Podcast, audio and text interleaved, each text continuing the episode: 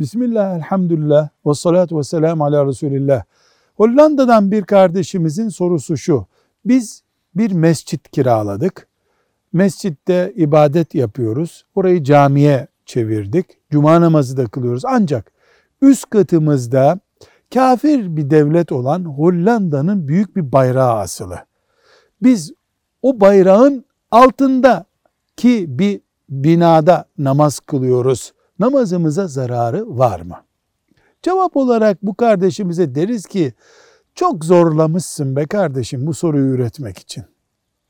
Yani her şeyinle yaşadığın bir ülkede bir bayrak ki o ülkenin sembolü olmaktan başka bir farkı oluşturmuyor.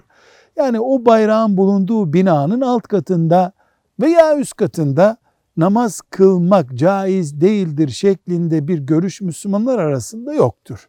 Sen ya Müslüman topraklara gitmek için bir uğraş veya orayı Müslümanlaştırmak için uğraş daha iyi bir iş bulmuş olursun.